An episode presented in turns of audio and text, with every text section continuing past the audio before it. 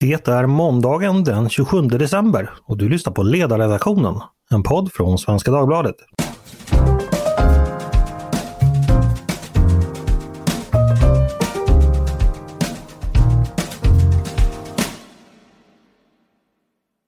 Varmt välkomna hörni! Jag heter Andreas Eriksson och idag ska vi prata TV och TV-historia.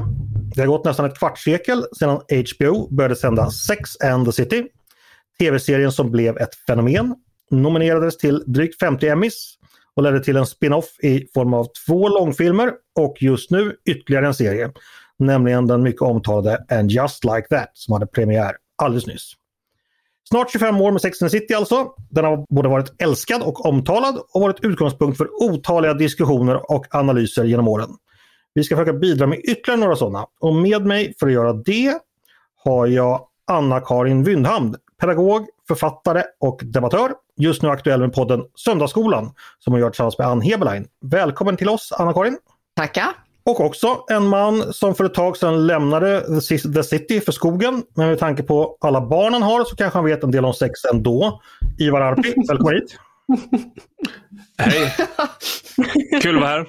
Välkommen Ivar! Hur, hur är det? Hade du flyttat tillbaka till stan förresten? Jag bodde aldrig, alltså jag bodde där ett par månader men det är liksom en bra story. Folk gillar att tänka att jag går där ute och är, är rädd och liksom har en, håller, håller en yxa med båda händerna och darrar för varje liksom främmande människa jag ser. Så jag vill inte ta det ifrån dem. Men jag har alltså inte varit där i den där stugan på väldigt länge. Alltså yxan hade, såg jag, men jag såg inte att du var så rädd utan menar att du liksom gick och försörjde familjen med, med yxan där ute. Var det inte så? Ja, men det var det här att jag skrev en tweet där jag citerade Ernst Jünger och, och liksom att uh, man uh, skulle försvara sin familj med en yxa eller någonting. Mm. Så då tror liksom alla att typ så här, ja, men om det kommer ett bud från Foodora eller någonting så bara smäller jag upp dörren med yxan i högsta hugg. och vilken strid det skulle vara. Naken? Ja. Hit med den! ja, naken ja. ja. Eh, med, med oss också har vi min kollega på redaktionen. Om jag vore Stanford så vore hon min Carrie, nämligen Paulina Neuding. Välkommen! Tack så mycket! Hörni, eh, vi börjar från början som vanligt. Er relation till Sex and the City, om vi börjar med Anna-Karin. Hur ser den ut? Ja du, jag såg den med, med inte någon sån, jag omfamnade den inte med, med odelad förtjusning när den kom. Jag tyckte den var rolig för att det var så väldigt mycket fina kläder i den primärt måste jag säga. Och eh, eh man provade väl en och annan Cosmopolitan inspirerad av Sex and the City. Men jag har inte varit någon sån superfan av det. Eh, mer än att det har funnits som en fond där slutet på 90-talet och början på 2000-talet. Men mm. naturligtvis har jag ju sett de nya avsnitten med intresse och sett hur, hur tiden speglas i dessa, vilket vi väl ska fördjupa oss i på olika vis. Exakt, det var det jag mm. tänkte. Eh, Ivar, dracks det många Cosmopolitan eh, av dig i slutet på 90-talet när serien kom? Uh, inte just då, men sen flyttade jag till Danmark uh, och uh, då hade man inte så mycket att göra alltid för att eh, jag hade en distansrelation och eh, så, så alla, allt CSN gick åt till att åka fram och tillbaka mellan Danmark. Så sen varje sommar så var, jobbade jag väldigt mycket och när alla andra var ute på semester och gjorde roliga saker. Jag var på Roskilde, då satt jag fast i Odense och jobbade med sanering och då så eh, kollade jag och mitt ex då, vi kollade på bland annat Sex and the City på DVD mm. och då mhm. så, så plöjde vi tv-serier och det här var en av dem. Okay. Så jag var väldigt, jag kollade på extremt mycket liksom, intensivt. Eh, typ 2003 eller något sånt där. Då kollade jag på liksom allt. Just det. Just det. Den, den, gick ju då 1998 till 2004 i sin första omgång ska sägas. Paulina, du då, din relation till, till de här fyra kvartetten på Manhattan, hur ser den ut? Mm, alltså jag minns att man gick till eh, den här filmuthyraren på Folkungagatan. Du vet säkert vad den hette. Eh, och så hyrde man VHSer mm. med fem avsnitt. Ungdomar, så var det på den tiden.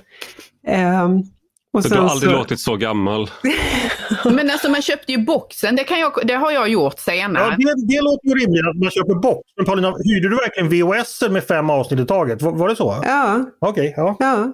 Eh, det, så, så var det på den tiden. Och ja. eh, jag minns att Birgitta Olsson, när hon köpte boxen, då skrev hon i social, sociala medier att det här är eh, en feministisk klassiker helt i, i, i eh, nivå med eh, Virginia Woolf till exempel.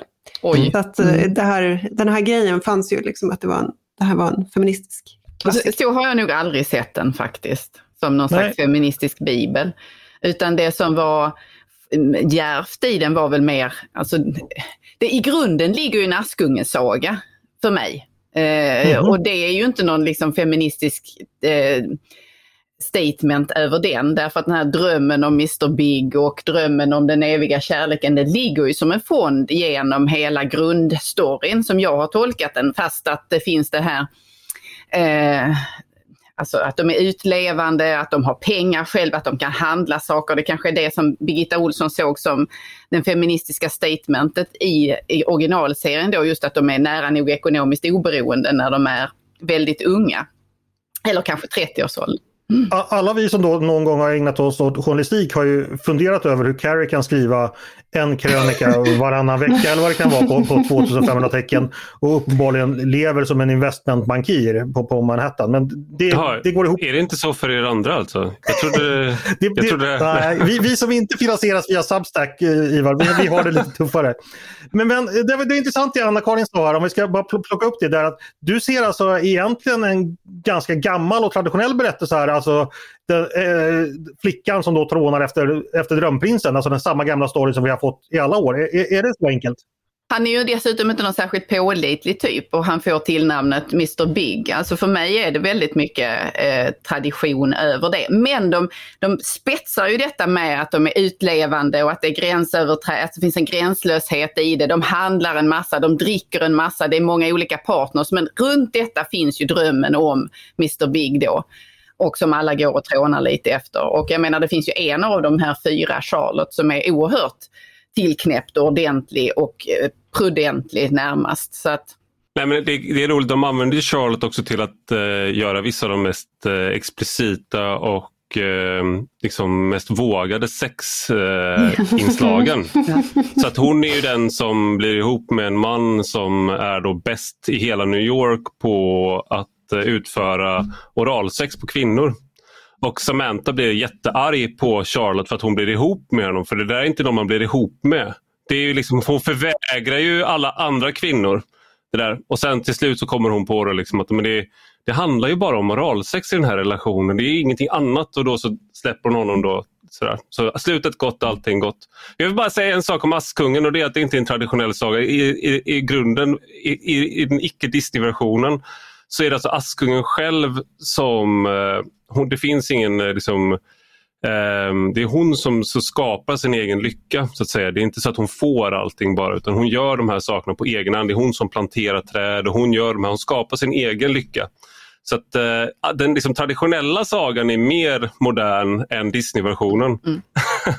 Dessutom avslutas ju i alla fall några av de traditionella varianterna av att eh, hennes elaka systrar då som straff för att de uh, har varit för elaka, de får mm. på sig glödheta skor som de får dansa i tills de helt enkelt stupar av, uh, av Och får ögonen utpickade av, av de här snälla duvorna som har hjälpt henne också.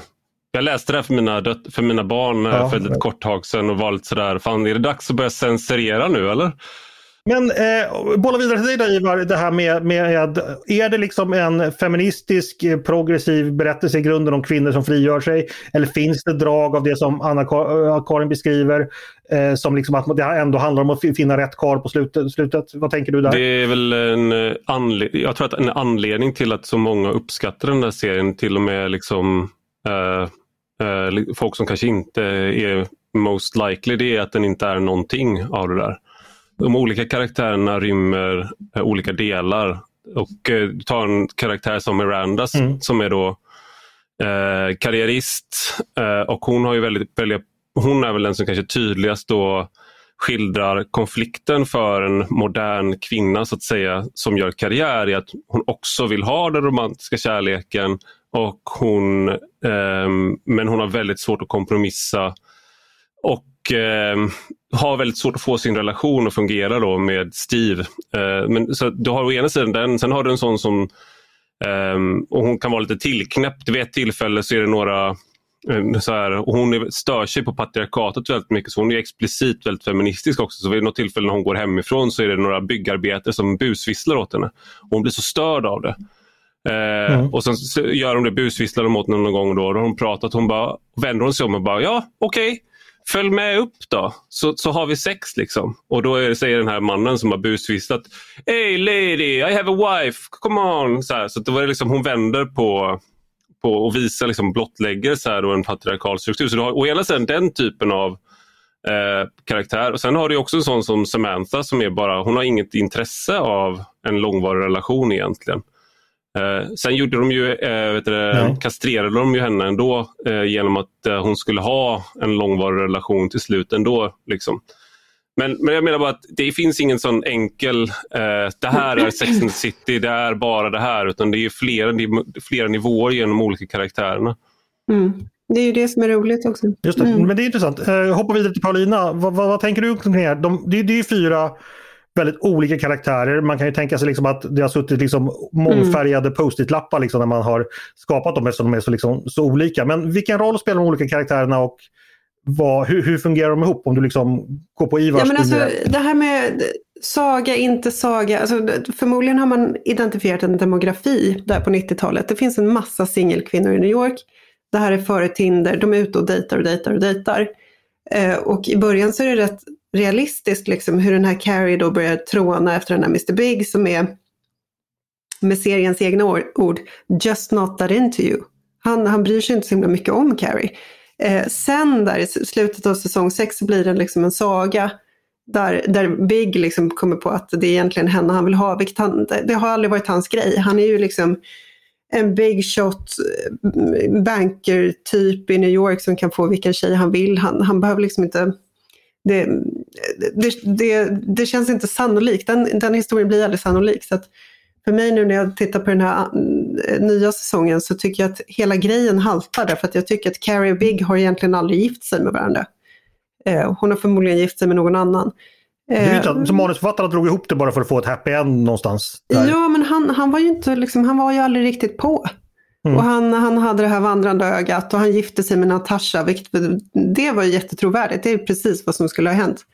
Mm. Eh, och sen så kanske han hade liksom, eh, varit otrogen och gått vidare med någon annan sen. Men, men det här att han och Carrie liksom inser, att han inser i slutet att ja, men det, är, det är hon och han, det slår inte mig som speciellt trovärdigt. Anna-Karin? Nej, men jag tänker att det är de här fyra olika kvinnorna, man kan ju också vända på det och säga att vad de gör när de skildrar dem och sätter karaktärerna för dem är ju att ingen av dem har alla de här egenskaperna. Om man gör en liten genusanalys av detta så borde ju samma drag eller alla drag kunna rymmas inom samma karaktär. Men istället så är det då att man hårdrar det så att det finns den kyska eller den frigida och det finns den som är extrovert och gör allt möjligt och tänk, äh, kan tänka sig alla typer av relationer och så vidare. Och så finns det fyra sådana olika och det var nog någonting som jag störde mig på under liksom den första eh, omgången med Sex and the City och sen så i filmerna så extremiseras det där ännu mer skulle jag säga. Men i, ställer man det i relation till den nya omgången nu så eh, det, det märkliga sker ju då att om eh, de här damerna stod lite utanför konventionen tidigare och var järva i vad de gjorde och vilka relationer de hade så är de i den nya versionen eh, konventionen. Och mm. det är då aktörer utanför då som står för en annan komposition som är eh, icke-binära eller som är eh, ehm, de homosexuella vännerna och liknande. Det är de som står för så att säga förnuftets röst och som hjälper de här tre damerna som det är nu att tänka lite utanför boxen och inte vara så tråkiga och inte vara så konventionella och konservativa och så. Så att rollerna har ju kastats om i vem det är som så att säga släpper in ny luft och vem mm. det är man ska hålla på som tittare. Ja, lite spoilervarning nu som, för er som vill inte har sett uh, uh, uh en Just Like That. Men det är ju så att både Carrie och Miranda går ju sina egna matcher mot en yngre Vogue-generation kan man säga. Carrie med i en podcast där hon framstår eh, som liksom den äldre och precis som Anna-Karin säger den traditionella, det är hon som står för det etablerade. Medan eh, Miranda då som ska ta en master på universum, hon går tillbaka till skolbänken då för att hon har bestämt sig för att tjäna mänskligheten istället för storkapitalet. Och träffa på då millennials som har helt andra idéer om, om liksom världen än vad hon har och hon ska försöka smälta in vilket då skapar en viss komik. Eh, ja, Paulina, ville du koppla på det just det här med att de har förvandlats till etablissemanget? Eh. Ja, och att Miranda till exempel, som är, hon är ju den smarta tjejen genom hela serien. Hon är mm. liksom en tuff bolagsjurist. Och sen så plötsligt nu i, det här, i, i den nya säsongen, då är hon någon slags spån. Mm. Och hon blir ett spån därför att hon eh, har skolat om sig till, eller håller på att skola om sig till människorättsjurist. Ja, just det. Mm. Och håller på att lära sig att inte vara rasist. Och i det här att hon inte ska vara rasist så blir hon liksom någon slags eh, nidbild av en, en liksom spånig vit kvinna som ska, ska liksom förhålla sig till, till, till den här um, rasismfrågan. Det finns ju lite humor i det. Hon säger liksom så här, nu när jag har lärt mig alla mina klasskamraters pronomina så, ja. liksom är det lite lättare. Och så där. Men jag tänker på en del 70-talsfeminister eller feminister från 90-talet som idag har kommit på kant med liksom mer moderna progressiva rörelser för att när det kommer liksom mm. in transfrågan, när det kommer in intersektionalitet och så här, då, då, blir liksom den här gamla kvinnokampen från 1900-talet, den blir i sig ett uttryck för, för, för någonting unket, äldre, eh, förtryckande. Eh, förstår ni vad jag menar? Precis. J.K. Rowling, liksom, mm. som är traditionell feminist och säger mm. det här med trans, det, det är mer komplicerat. Eh, och som blir kanslad. Just det, och hon var inte med på Harry Potter-återföreningen, den här de hade nu.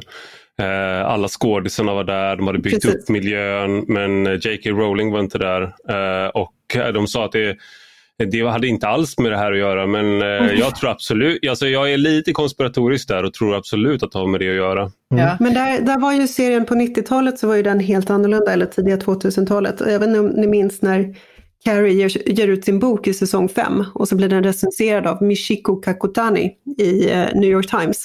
Och det här är alltså en recensent som finns på riktigt som skriver i New York Times.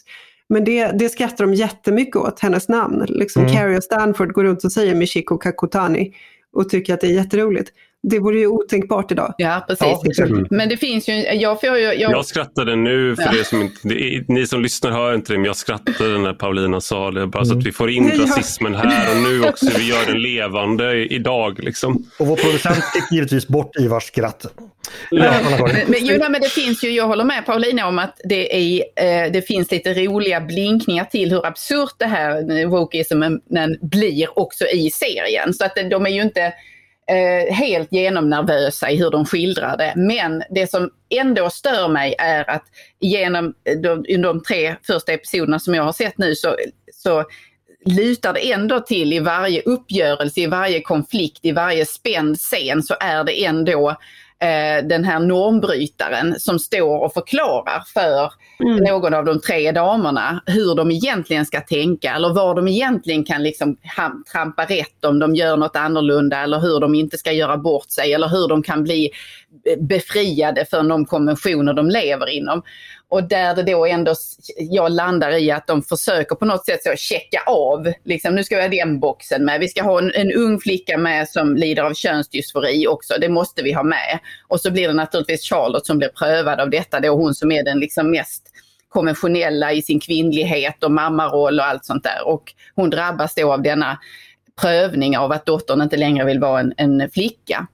Mm. Um, jo, och, och, det är så intressant därför att det, det, blir ju en väldigt illa förtäckt sån här uppmaning mm. i när, när den här icke-binära gestalten Chey håller en, en eh, stand-up eh, performance som inte är så himla rolig. Men, men det är en föreläsning. Tjej, jag säger i alla fall så här, det, det finns alltid bara en icke-binär gestalt och nu ska vi ha många icke-binära gestalter och sen så har de det i, i serien. Så, det blir, så man får verkligen skrivet på näsan att nu ska det vara icke-binärt i, i Sex and the City.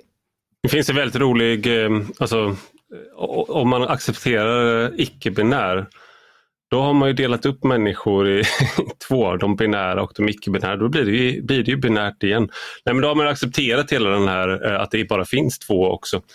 Eh, I alla fall, jag tänkte en annan sak. Det, det är det i, i internetkulturen och gamingkulturen som har liksom mixats. Då pratar man ibland om att folk som en nedsättande beteckning att någon är en NPC. Det är en non-playable character som finns i olika spel. Det här, och det finns mycket skämt om det där med olika som i Skyrim, dålig AI liksom som de är helt det går liksom, de är inte trovärdiga. Liksom. Och när då, eh, det här har man då som en nedsättande beteckning på när folk är extremt klyschiga och, och liknande.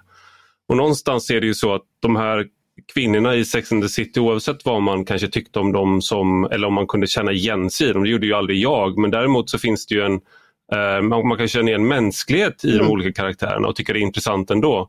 Eh, men då var ju de så att säga, vet du, de som drev handlingen framåt, deras drömmar, deras liksom, eh, syn på världen. Det var de, genom dem som vi fick se världen då, som tittare och upptäcka nya saker. Men i den nya serien, då är det som att de har blivit de här non-playable characters som möter spelarna, så att säga, då, om vi pratar om det som ett datorspel.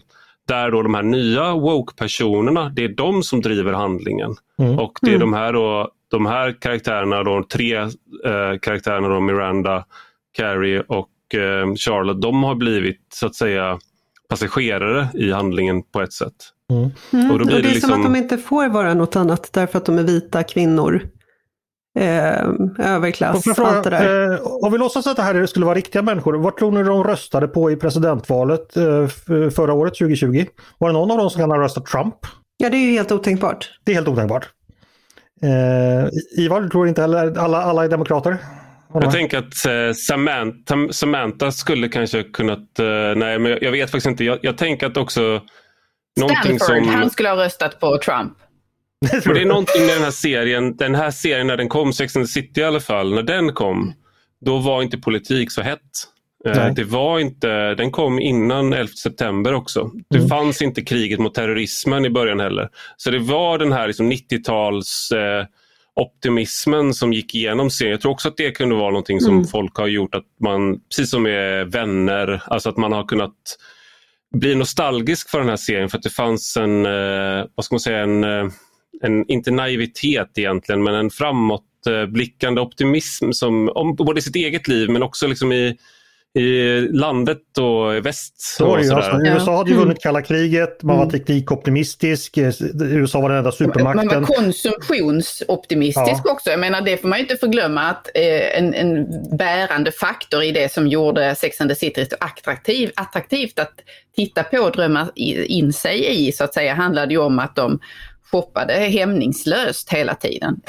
Definitivt mm. var det någonting som fick mig att eh, sitta och titta på det där och sukta efter hur härligt det hade varit att ha en sån där stor garderob. Och det får man ju, här får man ju sitt lystmäte lyckligtvis också i den nya. Det är stora garderober och det är väldigt mycket kläder här också, tack och mm. lov skulle jag säga. För det, känd, det hade känts alldeles förfärligt om And just like that hade liksom hemfallit till att de skulle så här bara använda second hand eller någonting sånt. Men vem vet, det kanske kommer i nästa. Ja. Mm. Eh, Paulina, för mig och Ivar kanske det är lite svårt där med just eh, kläderna och konsumtionen eftersom det liksom inte var saker som vi kunde köpa. Men, men vad kände du inför den i den första omgången så att säga? Var det lika viktigt för dig, de vackra kläderna? Som dröm handlade det om. Som dröm, jag kunde fan inte handla sådana kläder heller, men det är ju som dröm. Ja, ja. Nej, precis. Och när det går in i så när det slutar vara realistiskt, när det slutar vara tjejer som dejtar och blir liksom att i säsong 6 där när, när Carrie går och lägger sig i en, jag tror att det är en Christian Dior-klänning, ja. liksom en stor prinsessklänning och så väntar hon på den här sin eh, konstnärspojkvän och så går hon och lägger sig på sängen i den. Det, det är väldigt sådär sagoaktigt, det gör man ju kanske normalt inte i en klänning för hundratusen. Men eh, Nej men eh, kläderna... Sara Danius gjorde ju det. Det finns ju en, en, en ja, lång det är precis. Ja. Sidenkatedralen. Men hon... Eh, jag, jag, såg, det måste ha varit den första filmen som jag såg på bio när, när Mr Big överraskar Carrie med den här jätte walk-in closet som, som hon får. Och då gick det liksom ett sus genom publiken. Eh, sen har jag aldrig fattat, jag, jag, är väldigt dålig på det här med fashion. Jag, jag fattar liksom inte vad hon har på sig och vad hon håller på med. Eh, och det tänker jag på den här säsongen också. Jag, jag förstår vad Charlotte har på sig mm. och ibland vad Miranda har på sig. Men jag, jag, jag, fattar inte vad Carrie gör för någonting och vad det är, den grejen. Det kanske du gör Anna-Karin. Du, du får jättegärna förklara för mig för jag har undrat. I, nej, nej, alltså, jag tittar inte på det som är så. Och det där vill jag också ha. Det är mer att det handlar om att att jag kan eh, vila ögat på det och tycka att det finns någon liksom förströelse och eh, tillfredsställelse, om än temporär, i att bara titta på dessa olika kreationer. Det, det är ungefär mm. för mig som att läsa Femina eller bläddra i Svensk Damtidning, att man bara tittar på det. det, är liksom, det, det jag, jag vilar i det snarare än att jag tänker så här att det där är mitt drömliv eller så. Det handlar inte alls om det. Mm. Uh, jag vet inte, Ivar, kanske du känner detsamma när du spelar spel eller någonting sånt kanske? Jag, jag spelar inte spel, jag bara hänger, hänger med i tugget. Nej, men eh, jag tänker en sak som, är, som var, var intressant i Sex and City var väl också att det var den här debatten mellan eh, vem som Carrie ska välja mm. och eh, manstyper. Och nu han Chris Noth, Han har ju blivit, jag tror att han blev utskriven från serien av den här anledningen. Det är också en av mina konspirationsteorier. Men han har ju blivit, det är skådisen som spelar Mr Big, han har blivit anklagad för sexuella övergrepp. Han nekar. Mm. Men det, det fick i alla fall, han blev utslängd från serien eh, så, så snabbt det bara gick. Eh, men, men i alla fall att han som karaktär då, som Paulina är inne på, var ju inte så intresserad av Carrie att han ville lämna allt annat fram till säsong 6. Mm. Men hon träffade en annan karaktär som hette Aiden mm, som var, verkligen mm. ville vara med henne. Mm. Men det var ju också så att Aiden var mer kvävande och ville ha henne på ett visst sätt medan Mr Big då var ju eh, han såg, upp, såg henne för den hon var men han var bara inte lika, alltså de, kom väldigt, de förstod varandra mycket bättre men han var inte, ville inte ha ett förhållande med henne. Så det var ju också en sån där sak, vad, eh, vilken typ av, av män eh, ska kvinnor åtrå och får man vara skadlig för sig själv? Varför blir hon inte ihop med Aiden? Var en sån där. Och det här är någonting som återkommer på massa olika sätt sen i andra serier men det här var en väldigt tydlig sån han var liksom då, vad säger man, cowboyen i vit hatt. Eh, och eh, Mr Big var cowboyen i svart hatt. Ja, men Ivar, fick man, gav serien något svar på de frågorna skulle du säga? Eh, vilken man skulle välja? De gjorde en cop-out som Paulina mm. var, säger liksom att när man på något sätt, det här gäller ju många tv-serier där man inte är trogen karaktärerna, seriens dynamik och man vill antingen ta sig ur serien eller man vill göra en slags så här uppbygglig eh, lösning på det för mm. att eh, publiken kräver en lycklig, ett lyckligt slut. Det, det bästa var väl när, när det inte när det blev, när det liksom, man skildrar det men inte låter det... Alltså, Carrie vill inte ha Aiden, hon vill ha Mr Big. Och, eh, Aiden var snäll och tillgänglig. Eh, ja. Mr Big var taskig och otillgänglig och hon valde honom. Det är inte så osannolikt. Men, eh, men, det, ja. men det är ju det som du fångar där i eh, fråga om det här valet. Det är ju just där som Sex and the City och även denna serien, uppföljaren menar jag, har sina liksom riktiga förtjänster i att trots allt den här glamouren och det som är väldigt apart för de allra flesta av oss, så finns det ändå liksom stråk av mänsklighet och faktiskt möjlighet till igenkänning också i, i ens eh, goda och mindre eh, goda sidor faktiskt. Och det tycker jag ändå finns med i den här And just like that också. Kanske till och med i, i, i ännu liksom skarpare eh, färgteckningar, att man klarar av att göra det i, i att beröra liksom, sorg, död, ensamhet, eh, åldrande. Eh, Impotens, ah, ja. Charlotte ihop med en impotent man. Ja, alkoholism och så vidare. Och det, detta då utan att, man, eh, att det blir Norén av det. Så att eh, det, jag vill ändå ge den ett par, alltså den får med beröm godkänt tycker jag ändå. Minus för det här wokism eh, giget mm. bara. Mm. Men det är, det är skönt att man slipper just moralkakorna. Att Carrie får begå jättestora moraliska misstag och det är liksom, eh, vi följer henne ändå. Mm. Mm. Och hon förlorar inte sina vänner för det. Och det, det, det är lite djup ändå i, i de här gestalterna på det sättet. Mm. Får jag fråga en sak, i den här nya serien, hur mycket tycker ni Samantha saknas? Påverkar det dynamiken bland de övriga tre också? Och, eh, eller vad känner ni inför det? Det blir ju bara The City då nästan. Alltså om man, ser, om man ser det som att man kanaliserar olika, om det är kar karaktärsdrag så är ju hon liksom kärleksgudinnan uh, så att säga, som, alltså sexgudinnan. Som, ja, men som står för den energin, som står för det gränsöverskridande, som står för det liksom hon stod väl också mycket för komiken kan jag tycka. Alltså det var, det, det, eftersom hon var den mest, ja, men hon var den mest ja. extrema av dem. Och det är väl ja. det man tappar i en Just Like That. Att att det, det är inga gapflabb på det sättet som det ändå kunde vara i originaluppsättningen. Eh, så det är lite snällare på så vis. Paulina, Men det, det, är roligt med det här med, med feminismen och Samantha, därför att i början av serien, i början av säsong ett, då är ju Samantha promiskuös och väldigt osäker på sig själv. Och det, det försvinner sen. De, de ändrar på hennes, eh, hennes egenskaper så hon blir den här liksom, eh, utmanande Samantha och inte den här tjejen som kompenserar för sin osäkerhet genom att vara utlevande. Mm. En sak jag reagerade på i nya programmen det var ju att jag tycker att Charlotte är den som är mest eh, konstant som person. Alltså hon överlever liksom de här senaste 20 åren utan att förändras det minsta och känns lika trovärdig. Eller, ja, mm. Hon har ju ändrat helt rätt mycket i sitt ansikte skulle man ju kunna kontrastera med det. Nej, men förstår du vad jag menar? Som personlighet så är hon ju en väldigt konstant. Hon funkar lika bra som 50 plus som 30 plus. Medan Carrie och Miranda ja, det var lite svårare att föra in deras karaktärer känns det som. Jag vet inte om någon håller med om det, men det var en reflektion jag gjorde. Eh, Paulina, Anna-Karin gav med, med eh, visst beröm godkänt för uppföljaren. Vad ger du för betyg? Eh, jag vet faktiskt inte riktigt än. Jag, alltså plus för att den är sådär man, man landar tillsammans med de här damerna som någon slags ufo i ett nytt New York där folk kräver att man ska eh, det här med pronomen och, och, allt det där. Och att det är mycket ruffigare än vad det var eh, i början av serien. Alltså man blir rånad på tunnelbanan, allting är liksom, det är en jäkla oreda. Eh, men sen så är, jag tycker dialogen är ofta styltigare än vanligt. Liksom. Har mm. du talat med Samantha? Mm. Nej, jag har inte talat med henne sedan hon åkte till London. Ja, alltså, men, men, men är, det inte, väldigt mycket så. är det inte en spegel av... var fruktansvärd. Ja, det, det, det, är mycket sånt. Och så här, när de inte är roliga, då är de verkligen inte roliga. Nej, men jag, precis. Men det håller jag med om. Och jag tror att det där med att man är så otroligt tydlig i man berättar. Det, det finns någonting i det som man kan se i dramatiskt berättande taget tycker jag i den tiden vi lever i nu där man hela tiden utgår från att lyssnaren, tittaren är lite dum i huvudet och vi måste så att säga tala om att nu kommer jag resa mig från den här stolen och jag kommer gå ut genom dörren och när jag gör det så är jag alltså i ett annat rum.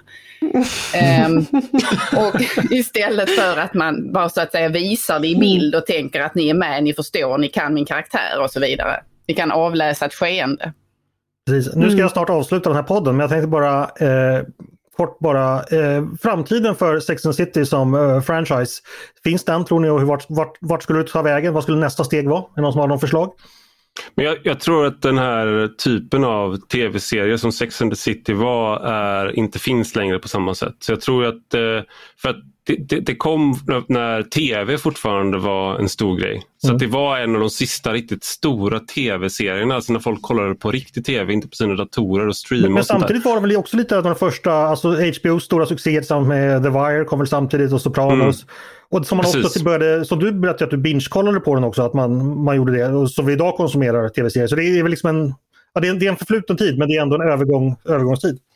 Men jag, jag, tror att, jag tror att det var det, var det som är det som gjorde den möjlig var en annan, liksom, det var en annan tid. Jag tror att det var i Girls, eh, nu glömmer jag av vad hon som skapade Girls Lena heter. Don, ja, jag vet inte. Ja, precis. Hennes karaktär i Girls uh, säger vid något tillfälle att i might not be uh, the, the, the, the, voice of this generation but I'm a voice of a generation. Vilket är liksom, jag tycker skillnaden mellan då, så sex, hur man beskrev Sex and the City som var liksom, åh nu är det så här, det här tv-serien handlar om hur det vara ung och kvinna och sådär. Och det är inte riktigt så man beskriver tv-serier idag och jag tror den så att säga, det här är väldigt postmodern spaning, liksom att jag tror inte att det kommer komma den typen av tv-serier idag. Det är, och det här med att man försöker tvinga in woke-perspektiv i en tv-serie som utgår ifrån fyra och sen tre vita kvinnor som är ganska well-off i New York. Eh, och de ska liksom lära sig pronomen och mm. eh, blackface och allt det där. Eh, det säger sig själv. Det, det, det, egentligen är det ju att du, liksom, du försöker göra någonting med de här karaktärerna som inte går och då ska du kanske göra en annan serie. Mm. Mm. Precis, alltså, ja. Jag vill veta om de här fyra heterosexuella överklasskvinnorna i New York. Jag är jättenöjd med det. Ja. Det, det, behöver liksom inte vara eh, någon, det, det, behöver inte vara något mer större projekt än, än, det. Men vi klarar inte av det just nu i vår tid, att inte göra större liksom, politiska projekt av den här typen av saker. Nej, och då blir de NPCs. mm. Mm. Fick vi lära oss det. Hörrni, stort tack för att ni kom och, och pratade med, med mig och med lyssnarna om uh, Sex and City. Tack Anna-Karin. Tackar. Och tack Ivar. Tack Andreas. Och tack så mycket Paulina. Jag kom på att Bunny McDougall kanske röstar Trump, men det mm. vore hon i så fall. Vi tar, det, vi tar frågan vidare och funderar på det. det är nästa, nästa poddavsnitt. Ja. Mm. Stort tack till er som har lyssnat eh, på oss på ledarredaktionen idag. En podd från Svenska Dagbladet. Hör gärna av er med tankar och synpunkter på det vi precis pratat om. Maila då bara ledarsidan snabel svd.se Dun, dun, dun, eller hur är det den går? Ska du inte nynna avslutningen nu eller nynna introt Andreas? Ivar, du, du, du, du jobbar inte på tidningen längre. Hörrni, eh, stort tack för idag. Dagens producent, han heter Jesper Sandström. Själv heter jag Andreas Eriksson. Jag hoppas att vi hörs igen snart.